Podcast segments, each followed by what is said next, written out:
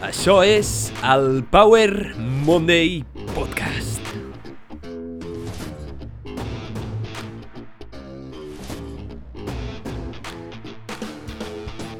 Benvinguts al Power Monday Podcast. Soc en Pau, el teu apassionat de salut, inspiració i ciència, i estic molt agraït de que estiguis escoltant aquest episodi. Quan comences a jugar a un nou videojoc, un joc RPG, un joc de rol, comencem sempre amb una mica de context històric. Entres en el joc i t'expliquen les teves característiques com a personatge, les teves habilitats, les habilitats de la teva classe i la història del teu poble, perquè puguis treure el màxim de l'experiència, perquè et puguis situar. A mesura que avances, això és bàsic i t'ajuda molt per entendre on estàs i per poder gaudir de l'experiència del joc.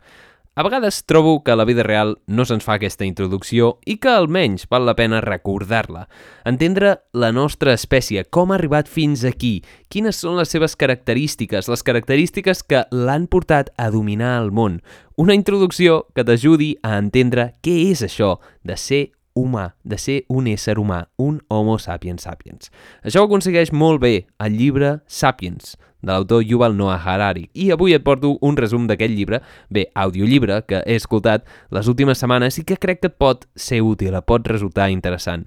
Parlaré de les tres grans revolucions de la humanitat, de les lliçons que he extret d'aquest llibre, curiositats, que espero que t'aportin una mica de claretat i t'ajudin a recordar el que ja ets, entendre què és això de l'homo sapiens i aquesta claretat et permeti prendre millors decisions en funció de la teva biologia, de la nostra història, perquè al cap i al fi som humans que tenim una història i tenim un llegat innegable i a partir d'aquí podem prendre decisions per fer una mica millor la teva experiència vital.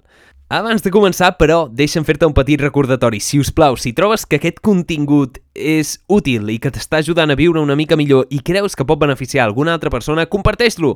Comparteix-lo amb qualsevol persona que creguis que se'n pot beneficiar i t'estaré molt agraït. T'estaré molt agraït de que ajudis a divulgar la paraula del Power Monday Podcast. Un podcast on comparteixo informació basada en l'evidència, reflexions, filosofia, amb l'objectiu d'ajudar-te a viure una mica millor i contribuir en això. I també ajudar-te a reflexionar i reflexionar juntament amb tu per créixer junts. Em pots trobar a moltes plataformes com a Spotify, Google Podcast, Apple Podcast i molt més i allà tenim-ho que em posis un seguir o un m'agrada. Tenim-ho també a que em segueixis a la xeta on penjo també aquest contingut gratuït 100% català i pots donar suport, així com a Power Monday Show a Instagram on em pots enviar preguntes. El llibre que et porto avui és Sapiens, una breu història de la humanitat per Yuval Noah Harari, un bestseller publicat el 2014 increïble, en el que parlarem de moltes, moltes, moltes coses, però ara sí, anem a submergir-nos a algunes de les lliçons més importants de Sapiens. El món en el que vivim senta normal, ordinari. Sembla com si els humans haguessin existit sempre així i que sempre així serà. Però això no és veritat. Mai abans els humans havien viscut en un món amb tanta tecnologia i ambients adaptats a les nostres necessitats com avui, donant-nos el luxe de no preocupar-nos per la nostra supervivència. No ens preocupem ni per l'aigua, ni per al menjar, ni per al benestar, que els donem suposats. Però en realitat, el 99,999% de la història de la nostra espècie, la vida era completament diferent i l'hem viscut sense aquests luxes i durant molt temps vam ser un simple animaló més en aquest planeta, de fet un animal bastant mediocre, que no tenia gaire supervivència, vivint en aquesta roca que està girant al voltant del Sol en una galàxia petita de la infinitat de l'espai. Aquesta és més o menys la nostra introducció. La nostra història en realitat va començar fa uns 6 o 7 milions d'anys enrere, quan es van separar el grup d'homínids i nosaltres som homínids. Durant aquest temps vam evolucionar, com segur que has vist les imatges típiques de l'evolució de l'ésser humà. Mica en mica, les espècies es van distingint de manera que, si copulen, no poden tenir descendència fèrtil. El clar exemple que pots fer que pots trobar avui en dia és la divergència evolutiva que trobem entre els cavalls i els burros. Els dos són espècies que poden tenir descendència, però els seus fills resulten estèrils. Per tant, aquí s'acaba la seva relació com a espècie. Per aquest procés, amb la pressió de la selecció natural, es van anar separant les espècies i fa 2,8 milions d'anys va sorgir el gènere d'Homo, els primers humans, els que podem categoritzar com éssers humans. No només l'Homo sapiens, que som nosaltres, sinó tots els altres Homo, l'Homo habilis, l'Homo ergaster i els altres homos. Ens agrada pensar a nosaltres mateixos com els únics humans, com la única espècie humana, però això està molt lluny de la veritat.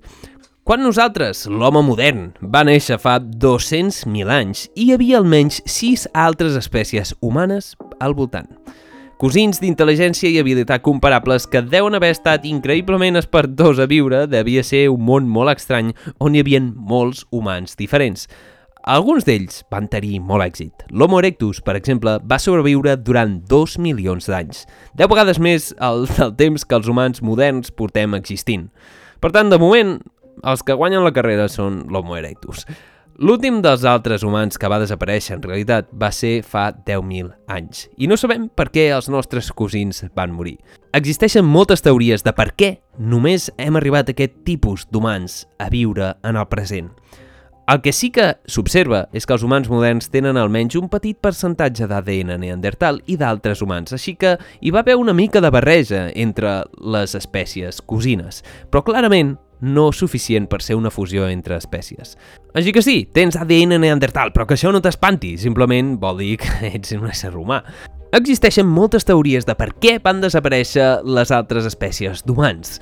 Probablement per la pressió competitiva que exercia l'Homo sapiens, la lluita de recursos, per canvis climàtics, però en realitat la més lògica i la més probable és que els Homo sapiens extingissin la resta d'éssers humans, per problemes de discriminació, com ha fet en molts casos l'ésser humà, que és capaç de contribuir en la producció de fets molt atrossos. El cas és que, sigui com sigui, només quedem nosaltres. Respecte als inicis de la humanitat, fa 2,8 milions d'anys els primers humans van utilitzar eines, però no van avançar gaire durant almenys uns 2 milions d'anys, fins que van aprendre a controlar el foc, i aquesta és potser la primera gran revolució. El foc significava cuinar, que feia que els aliments fossin més nutritius, estèrils, i això contribuïa al desenvolupament del nostre cervell, que té molta gana i necessita molts nutrients per mantenir-se. El foc també produïa llum i calidesa, cosa que feia que els dies fossin més llargs i els hiverns més suportables. A part d'això, no només espantava els depredadors, sinó que el foc també ens es podia utilitzar per la caça. De fet, una de les grans proeses de l'ésser humà és utilitzar el foc per cremar boscos i incendiar-los, de manera que proporcionava petits animals, fruits secs i tubercles que estaven ben torrats. Aquesta va ser l'autèntica revolució, el pas a la revolució cognitiva que vam aconseguir, el fet de cuinar el menjar, el fet de poder accedir a les calories emmagatzemades en els tubercles, com la patata i altres tubercles i moltes coses més. En aquell moment, la nostra dieta era la d'un caçador-recolector, érem omnívors facultatius, menjàvem tot el que pilléssim, però fonamentalment menjàvem fibra. I això és el que ens va mantenir viu. Sobretot el fet de poder cuinar els vegetals va ser el que va suposar un gran salt a nivell energètic i ens va permetre invertir més recursos energètics en construir el nostre cervell. Perquè para tu a pensar, quan no tens proutes calories, és normal que el teu cos inverteixi més en els teus mecanismes de supervivència, en el teu cos, en els teus músculs, en els teus ossos perquè et puguis moure per al medi. Però com a ésser viu, quan tens una gran abundància de calories i pots invertir cada vegada més en el teu cervell energia per construir-lo, el cervell és en realitat una bona inversió a llarg termini, el que et permet viure més i destacar sobre la resta d'espècies. I aquí és quan va començar la primera gran revolució. Veurem tres revolucions, la revolució cognitiva, la revolució agrícola i la revolució industrial. I aquí és on estem ara, a la revolució cognitiva. Així que ara t'explicaré què és això de la revolució cognitiva i com el nostre cervell ens ha portat a dominar el món. Abans de la revolució cognitiva, les bandes de caçadors-recolectors no podien unir-se en res més que el nombre de Dunbar, de 150 persones, que és la mida màxima del grup que pot organitzar un Sapiens. Això és cert encara avui en dia i, de fet, és molt probable que no puguis comunicar socialment, almenys amb més de 150 persones. Els grups es redueixen a 150 persones. Els Sapiens no podem recordar relacions més significatives que aquest nombre, el que significa que no podem confiar en desconeguts.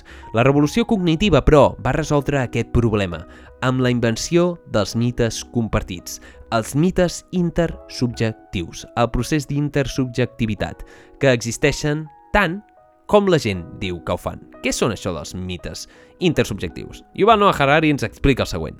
Des de la revolució cognitiva, els sapiens viuen en una realitat dual. D'una banda, la realitat objectiva dels rius, els arbres, els lleons, i de l'altra, la realitat imaginada de déus, nacions i corporacions. Amb el pas del temps, la realitat imaginada es va fer cada cop més poderosa, de manera que avui la supervivència mateixa dels rius, arbres i els lleons depèn de la gràcia d'entitats imaginades com els Estats Units, Google, els països o els diners. Els principals exemples de processos intersubjectius són les lleis, els diners, els déus i les nacions. Cap d'aquestes coses existeix al món natural, però com que prous humans estan d'acord en que existeixen, són tan reals com les muntanyes. Per exemple, les coses es poden distingir entre objectives, subjectives o intersubjectives. Les coses objectives existeixen independentment de la consciència humana, com la radioactivitat. No cal que creguis en la radioactivitat perquè causi càncer. Després tenim les coses subjectives, que existeixen únicament en la imaginació d'una sola persona, com l'amic imaginari d'un nen. Aquell amic imaginari, en realitat, no existeix, nen. Em sap greu. Bueno, existeix en la teva ment, però no existeix en lloc més. Per tant, és una realitat subjectiva i individual. El que ens va revolucionar la vida, la revolució cognitiva, el que ens va permetre créixer com a éssers humans, va ser imaginar i creure conjuntament en coses subjectives que ens uneixen com a espècie i ens permeten cooperar a gran escala. A part d'això, el fet de menjar i obtenir gran accés a moltes calories, com a caçadors-recol·lectors encara, va permetre desenvolupar aquest cervell i l'ús de llenguatge ens va permetre comunicar-nos específicament de manera que els altres animals no aconsegueixen fer i això ens va permetre crear mites conjunts. Aquest va ser el gran primer canvi de l'espècie humana, aquest compartir els fets intersubjectius. Això dels fets intersubjectius és molt interessant. Imagina't que vols convèncer a un mono de que si et dona el plàtan que té ara, anirà al cel dels monos i allà rebrà molts plàtans. No el podràs convèncer encara que vulguis. I és que l'intersubjectiu és alguna cosa que existeix dins de la xarxa de comunicació que uneix la consciència subjectiva de molts individus. Si només un individu canvia les seves creences dins d'aquesta xarxa, o fins i tot si es mor, en realitat té poca importància, perquè aquesta realitat intersubjectiva seguirà existint. De la mateixa manera, si la majoria d'individus dins d'aquesta xarxa de comunicació mor o canvien les seves creences, el fenomen intersubjectiu mutarà o desapareixerà. Un clar exemple d'aquests mites que hem creat conjuntament són els diners. I és que què són els diners sinó un concepte imaginat pels homes en el que tots estem d'acord en creure. Tothom creu en el valor dels diners, però en si no tenen cap mena de valor. No augmenten la teva supervivència per si sol, però et permeten comprar amb 10 euros, potser et pots comprar 10 plàtans, però aquell bitllet en si és una creació de l'ésser humà. Els fets intersubjectius existeixen per una bona raó i s'han seleccionat a través dels anys amb la selecció natural. Com diu Yuval Noah Harari, i com et deia jo abans, mai podries convèncer a un mono de morir per tu amb la promesa de bananes infinites en el cel dels monos. En canvi, els sàpiens podem cooperar de manera flexible amb un gran nombre de desconeguts. Per això governem el món, mentre que les formigues es mengen les nostres restes i els ximpanzés estan tancats en els zoos, perquè podem cooperar de manera que podem decidir com modifiquem el nostre propi ambient conjuntament. Individualment, en realitat, els éssers humans són bastant mediocres i si deixem que s'enfronti un mono amb un, amb un ésser humà en condicions biològicament normals, el més probable és que el mono li trenqui la cara. El ximpanzé li trencarà la cara a l'home d'una manera bàrbara. I probablement farien falta una desena d'éssers humans per fer front a un sol ximpanzé. Però la veritat és que la nostra coordinació i la creença comuna i la imaginació és el que ens ha permès evolucionar. La revolució cognitiva va ser el que ens va permetre fer el salt. Probablement recordis la teoria del monodopat, on part de la revolució cognitiva no es deu només al consum de més calories i l'ús de llenguatge i la comunicació i la creació de mites intersubjectius, sinó al consum de bolets psicodèlics que ens va atorgar aquest poder de pensament abstracte i de pensament de cara al futur i comunicar aquesta informació a altres éssers humans que també creuen en aquestes veritats que no són reals. És un fet molt interessant el fet de la revolució cognitiva que ens va portar a ser humans, que ens va portar a pensar d'aquesta manera abstracta, a imaginar, a diferència de molts eh, altres éssers vius en aquest planeta, tot i que no ens podem posar en el cervell dels altres éssers vius, um, això no té per què significar èxit. Simplement, a nivell genètic, estem triomfant perquè ens estem reproduint d'una manera exagerada en aquest planeta. Per tant, aquesta és la primera gran revolució, la revolució cognitiva, creure en mites conjunts que ens van permetre cooperar en grans grups, amb grups més superiors de 150 persones i crear una relació comuna. Tot i així, durant els següents 40.000 anys, la vida humana va romandre més o menys igual. Els humans en aquesta etapa, a part de probablement aniquilar tots els altres humans, van extingir massivament moltes espècies i es van expandir expandir per tot el planeta. Van assassinar tota la megafauna australiana, com koalas gegants, ocells de tamany d'un elefant, wombats del tamany d'un os i la megafauna americana. És una veritat incòmoda, però els humans han sigut, des de la seva expansió, responsables de devastacions ambientals, fins al punt que ara mateix estem amenaçant la nostra pròpia supervivència com a espècie, o almenys el nostre benestar. A part d'aquest fet desagradable, durant aquests anys no es vivia tan malament, si sobrevivies. I és que es es veu que els cervells dels caçadors-recol·lectors d'aquesta època eren superiors als nostres cervells. I, de fet, per sobreviure en aquella època havies de tenir un gran cervell. Havies de tenir un mapa mental detallat del teu territori. Els teus sentits estaven afinats amb el medi ambient. Havies de conèixer i memoritzar una gran quantitat d'informació sobre plantes i animals. Havies de ser capaç de fer eines complicades que requereixen anys d'entrenament acurat i habilitats motrius molt fines. De fet, es veu veu que els cossos dels caçadors-recol·lectors eren atletes d'alt rendiment i aquells que sobrevivien vivien gran qualitat de vida. A part, vivien en petits grups molt poc amb molta poca probabilitat de patir malalties i epidèmies i menjaven una dieta molt rica i variada. Menjaven constantment tot el que trobaven i no depenien simplement de les coses que cultivaven. Així que durant uns mil·lennis d'anys els éssers humans no van viure tan malament. La veritat és que, com a caçador-recol·lector, si sobrevivies la infantesa, vivies bastants anys i fins i tot s'han observat esquelets de persones de més de 60 i fins als 80 anys de caçadors-recol·lectors. El cas és que tenies el cos d'un atleta d'alt rendiment, un gran cervell seleccionat per la selecció natural i vivies bastant bé, vivies a l'Eden, vivies la millor vida en aquest planeta com a ésser humà. Però l'autor Yuval Noah Harari ens explica que això va acabar amb la revolució agrícola. I és que potser això va ser una mala idea. En algun punt els sàpiens van parar de recol·lectar i caçar de la mateixa manera i van decidir que era un bon moment per farmejar, per tenir una granja i cultivar. A priori pot semblar que això era una bona idea per als éssers humans. Podien cultivar i tenir menjar a demanda i de manera estable. Però això en realitat no va ser del tot així. La veritat és que la revolució agrícola va ser bo per la quantitat total d'humans, però va, no va ser tan bo per la qualitat individual de les persones. I és que, en comparació amb els recolectors, els pagesos treballaven moltes més hores, amb més risc de malaltia i desnutrició. Recordem que simplement cultivaven un tipus de cultiu, cultivaven cereals que no eren complets nutricionalment, tot i que els omplien la panxa. Per tant, ens trobem que augmenten l'índex de fractures en aquella època. Veiem més ossos fracturats i més problemes a nivell nutricional que no pas en els caçadors-recol·lectors.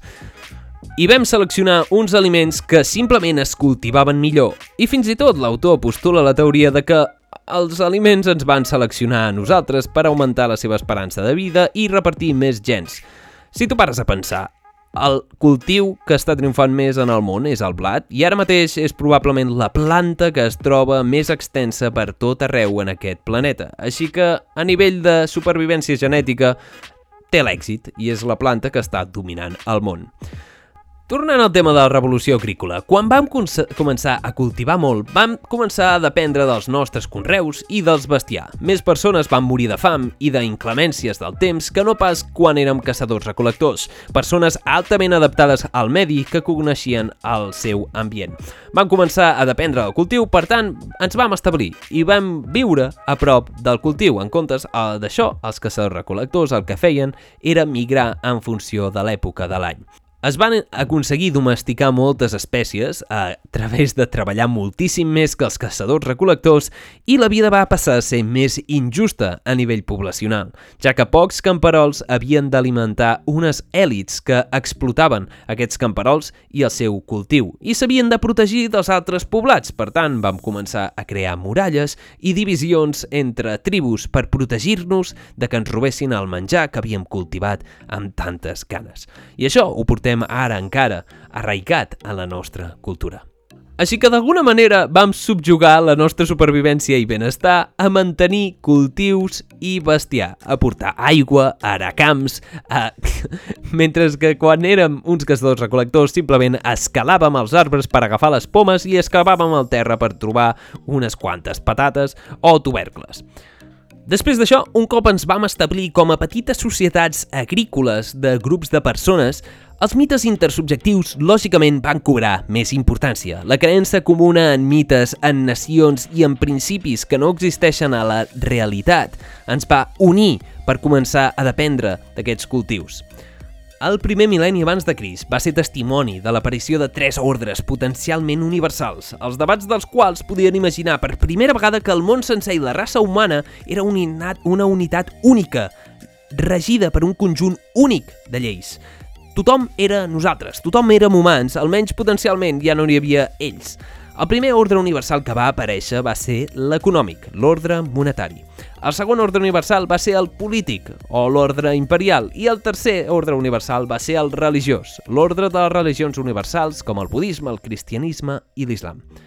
Posaré un exemple de cada un. Per als comerciants, el món sencer era un mercat únic i tots els humans eren clients potencials en els que podia guanyar peles. Es va intentar establir un ordre econòmic que s'aplicaria per tots a tot arreu. En segon lloc teníem els conqueridors. Els conqueridors veien el món sencer com un únic imperi on tots els humans podien ser subjectes potencials.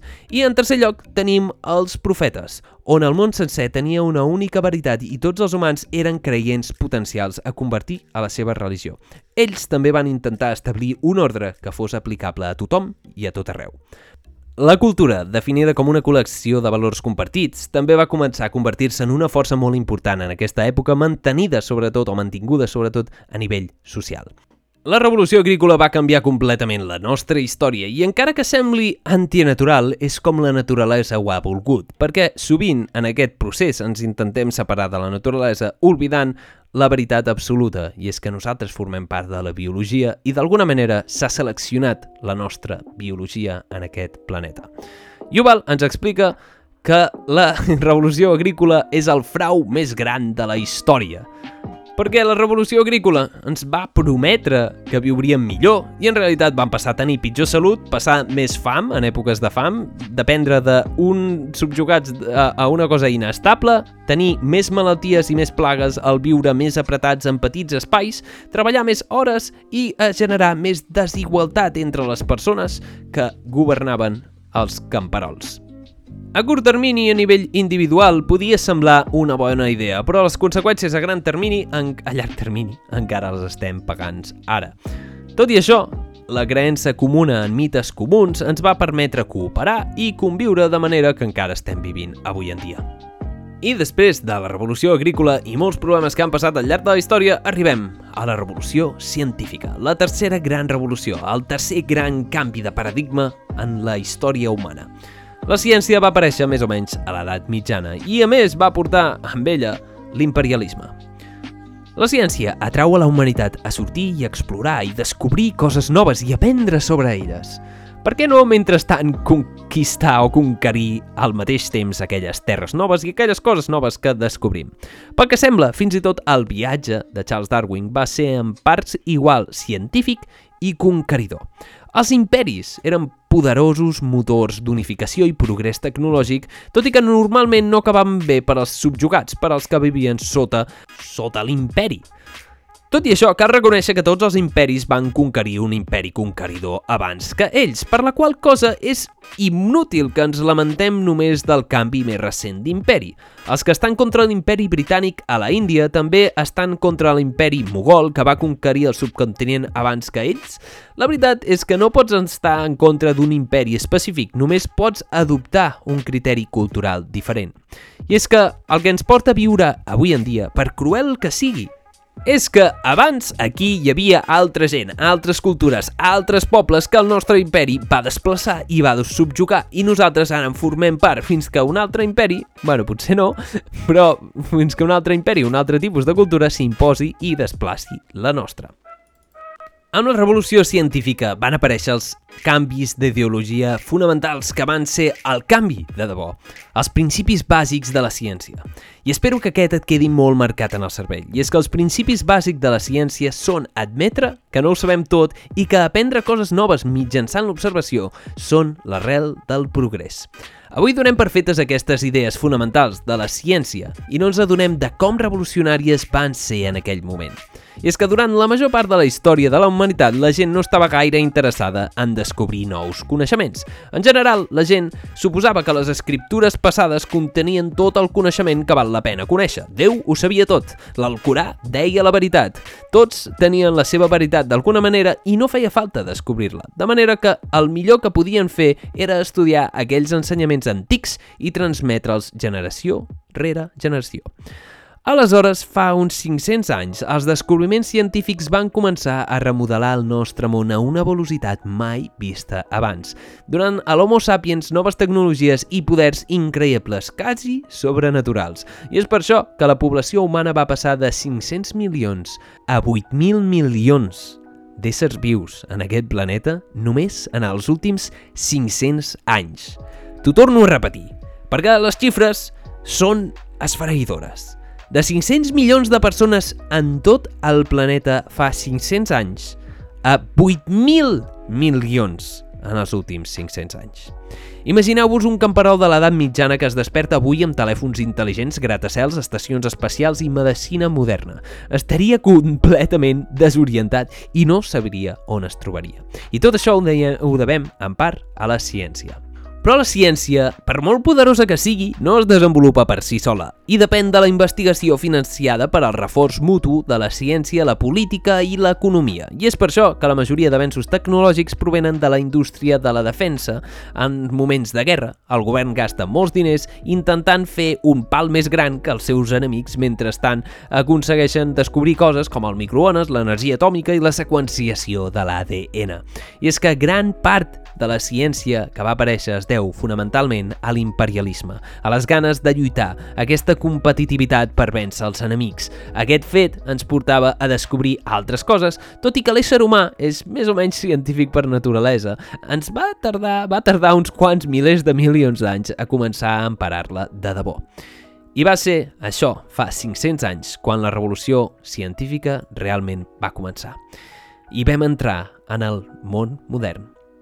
En aquest llibre se'ns explica com aquest canvi tecnològic venia donat de la mà d'un canvi cultural per fer la revolució científica. I és que a vegades la tecnologia que disposàvem era molt superior, però la tecnologia cultural de la que disposàvem era inferior. El clar exemple és que quan Napoleó va descobrir Amèrica amb la Pinta, la Niña i la Santa Maria, en realitat, els xinesos tenien una tecnologia molt superior, però l'imperi que es va expandir més va ser l'imperi espanyol, no pas perquè tinguessin millors tecnologies, sinó perquè tenien una cultura expansionista, una cultura imperialista en la que volien descobrir i crear noves coses. I això és el que realment va promoure el creixement exponencial de la ciència, d'aquesta revolució científica que veiem avui en dia. No és que no existís ciència en si, en si mateixa a l'època de Sòcrates o no existís un mètode semblant, però la veritat és que el gran boom de la revolució científica va ser fa uns 500 anys. Llavors, amb això, és el que ens podem quedar molt curtament amb aquest episodi curt, perquè el llibre crec que és un audiollibre pràcticament de 50 hores, per tant, en mitja horeta de podcast no podré resumir gran cosa. El que sí que és important que quedis és la revolució cognitiva, la revolució agrícola i la revolució científica. Entremig hi ha hagut una evolució dels principis intersubjectius que ens han unit com a espècie, la cultura, les religions, i aquests mites intersubjectius en els que tots creem s'han anat modulant, han anat transmutant i ens han portat en el que vivim avui. El llibre després ens explica l'evolució del pas del romanticisme, l'humanisme i, finalment, el consumisme en el que estem avui i com això ha anat modulant les nostres creences i la humanitat en general, com hem arribat a estar avui aquí. I aquest llibre té una narrativa dominant, un tema que és molt important, i és que, tot i aquestes revolucions, la cognitiva, l'agrícola, la revolució científica industrial i ara la revolució de, de la informació que estem vivint, es fa aquesta pregunta. Aquest progrés va significar més felicitat? I quin progrés ens espera? I és que molts historiadors analitzen l'èxit en la història com una major expansió, una major reproducció o transmissió de gens. Si la població era més gran, és que era més exitosa, oi? Però és realment això l'èxit? I què defineix l'èxit? En què ens volem convertir com a societat? Què és el que volem buscar? Perquè si simplement volem més reproducció, pot ser que visquem, en realitat, més infeliços que els nostres avantpassats caçadors-recolectors. És que no han passat gaires generacions des d'aquella època, però estem vivint de manera exageradament diferent. La conclusió filosòfica, en aquest llibre sobretot, és que cap d'aquestes revolucions va suposar una millora en la nostra vida com a felicitat. Potser sí que vam viure més, potser sí que ens estem reproduint més, però realment és més plena aquesta vida que la del nostre amic caçador-recolector? És la revolució que estem vivint, la revolució d'ara, una altra revolució, que potser és un frau, com la revolució agrícola, que potser ens allunya a nivell individual i qualitat de vida de gaudir d'una vida plena? O potser és simplement una cosa que els humans estem destinats a viure. D'això parla molt també en aquest llibre i ens explica com el budisme pot ser una alternativa a això, no el budisme com en religió, sinó els principis que explica, com la ment és infeliç per naturalesa, i ens explica també certs mecanismes biològics en els que no entrarem. Però el cas és que ara estem vivint aquesta època, després d'aquestes revolucions, i tenim l'oportunitat d'or de veure que realment potser el més important és començar a dedicar recursos, a trobar sentit a la vida, a alimentar la ment de maneres adequades. I ens hem adonat, juntament amb la ciència, de que això és capaç i, a més a més, és important, que és possible invertir empíricament recursos en millorar la nostra qualitat de vida, en viure més i millor i recordar i no negar la nostra realitat biològica i la nostra evolució al llarg d'aquest episodi en aquest planeta. La nostra vida com a espècie és més important i ens estem adonant ara del que ens pensàvem abans. Això ens pot ajudar el psicòleg Víctor Frank, que va sobreviure al camp de concentració a la Segona Guerra Mundial i va veure com els presoners que sobrevivien en els camps de concentració eren aquells que trobaven una sensació de sentit en el mig d'aquell terrible patiment, d'aquell terrible moment.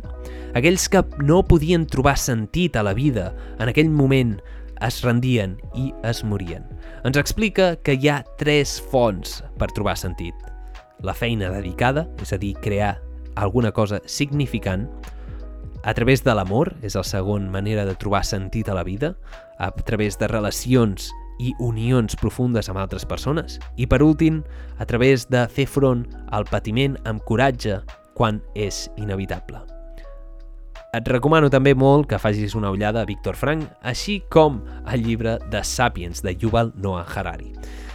Sapiens no deixa de ser un llibre de història. Història de la humanitat explicada per un sol historiador molt marcada per la seva opinió i filosofia, viatges i experiències com ho és aquest podcast. Així que t'animo a que valoris per tu mateix la informació que he compartit, el llibre, la informació que se't presenta aquest món i pots escoltar l'audiollibre, deixaré el link a la descripció si fas una prova d'Audible que és gratuïta durant un mes. A mi m'ha agradat moltíssim, m'ha obert els ulls i m'ha servit com una actualització per reconèixer quin és el nostre nostre origen. Està clar que el llibre val molt més enllà que aquest podcast, i aquí només hem parlat de les tres grans revolucions i una mica de l'entrada biològica. Però no podem negar els nostres orígens biològics, però tampoc culturals ni sociològics, perquè descriuen el que som ara, les creences en els que creiem compartidament, aquests principis intersubjectius. I com ara, després de quatre revolucions, la revolució cognitiva, l'agrícola, la científica i industrial i la revolució de la informació, estem a punt d'enfrontar-nos a un nou punt. Un nou punt que ho canviarà tot, a tres reptes, el repte ecològic, el nuclear i, sobretot, la singularitat tecnològica, la distòpia tecnològica a la que estem a punt d'enfrontar-nos. I ens estem acostant a aquesta singularitat tecnològica, un esdeveniment en el que la vida com la coneixem està a punt de canviar dràsticament amb la tecnologia. La singularitat implica que tot pot canviar i tot pot ser completament diferent amb un sol canvi. Perquè et facis una idea, una singularitat va ser el Big Bang. La fusió amb la intel·ligència artificial, la manipulació de la vida orgànica, la fusió amb la vida inorgànica o ser superats per vides intel·ligents que quedem nosaltres mateixos. Aquest tema complex l'analitza Yuval Noah Harari també en el seu llibre Homo Deus i també et recomano el llibre de 21 lliçons del segle XXI, tots llibres molt interessants que t'ajuden a canviar una mica de perspectiva. Però si t'has de quedar amb una cosa d'aquest episodi és que preguntis què és això de ser un ésser humà? D'on venim? Quina és la nostra història? I com la nostra història ens pot permetre viure millor ara? Com l'ús de la ciència i el mètode científic ens ha permès revolucionar la nostra vida i si l'utilitzem adequadament, amb consciència i claretat, ens pot permetre, a nivell individual i global, viure la nostra millor vida. Espero que aquest petit resum del llibre Sapiens t'hagi portat una mica de claretat i si no t'ha portat claretat, que t'hagi portat preguntes, que preguntis coses que t'ajudaran clarament a viure millor i a trobar més sentit en aquesta vida. Els éssers humans som animals. Els éssers humans som animals biològics i l'ús de la ciència ens pot permetre entendre el nostre origen, el nostre procés evolutiu i com funcionem per poder viure millor i trobar sentit ja sigui individual o col·lectiu, en aquesta vida. Els humans no existirem per sempre. Els humans eventualment desapareixerem i la nostra història desapareixerà tard o d'hora amb aquest planeta. Probablement ens aniquilem a nosaltres mateixos o ens aniquili una intel·ligència superior. Però el cas és que ara estàs viu, estàs podent escoltar això, i això és el teu gran poder, el poder que pots ara mateix actuar i pots treballar per gaudir d'aquesta vida única, per la teva pròpia vida, la teva pròpia experiència vital. Així que obre els ulls, observa, reflexiona i viu al màxim la teva pròpia vida. I això és tot per aquest episodi. Ei, moltíssimes gràcies per haver escoltat aquest episodi. Espero que t'hagi agradat molt o t'hagi aportat una mica de valor. Si us plau, si t'ha agradat, comparteix aquest episodi amb alguna persona que creguis que se'n pot beneficiar i m'ajudaràs moltíssim a compartir la paraula del Power Monday Podcast, que intenta compartir informació basada en l'evidència i reflexions filosòfiques per viure la millor vida possible i junts créixer. Em pots trobar a moltes plataformes, Google Podcast, Apple Podcast, Spotify i molt més. I tenim-ho que em posis un seguir i un m'agrada a qualsevol plataforma en la que m'estiguis escoltant. Em pots enviar missatges a Power Monday Show a Instagram i debatre junts aquestes preguntes que ens poden permetre créixer i experimentar i redescobrir-nos constantment en aquest camí inacabable que és la vida. També em pots trobar a la Xeta, on pots donar una mica de suport econòmic a aquest contingut 100% gratuït en català i molt més.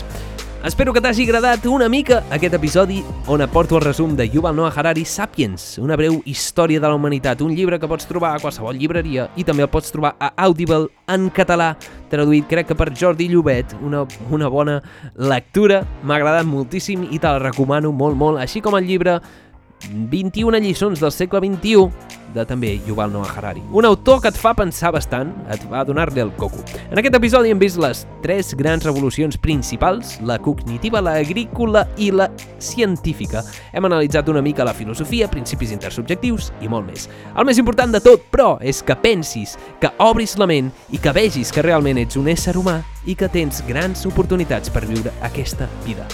Et desitjo, com sempre, una setmana plena de creixement personal èpica. I si ningú t'ho ha dit encara, recorda que ets estimat, ets únic, ets irrepetible i ara és un bon moment per prendre acció. Ens veiem en el pròxim episodi. Ciao!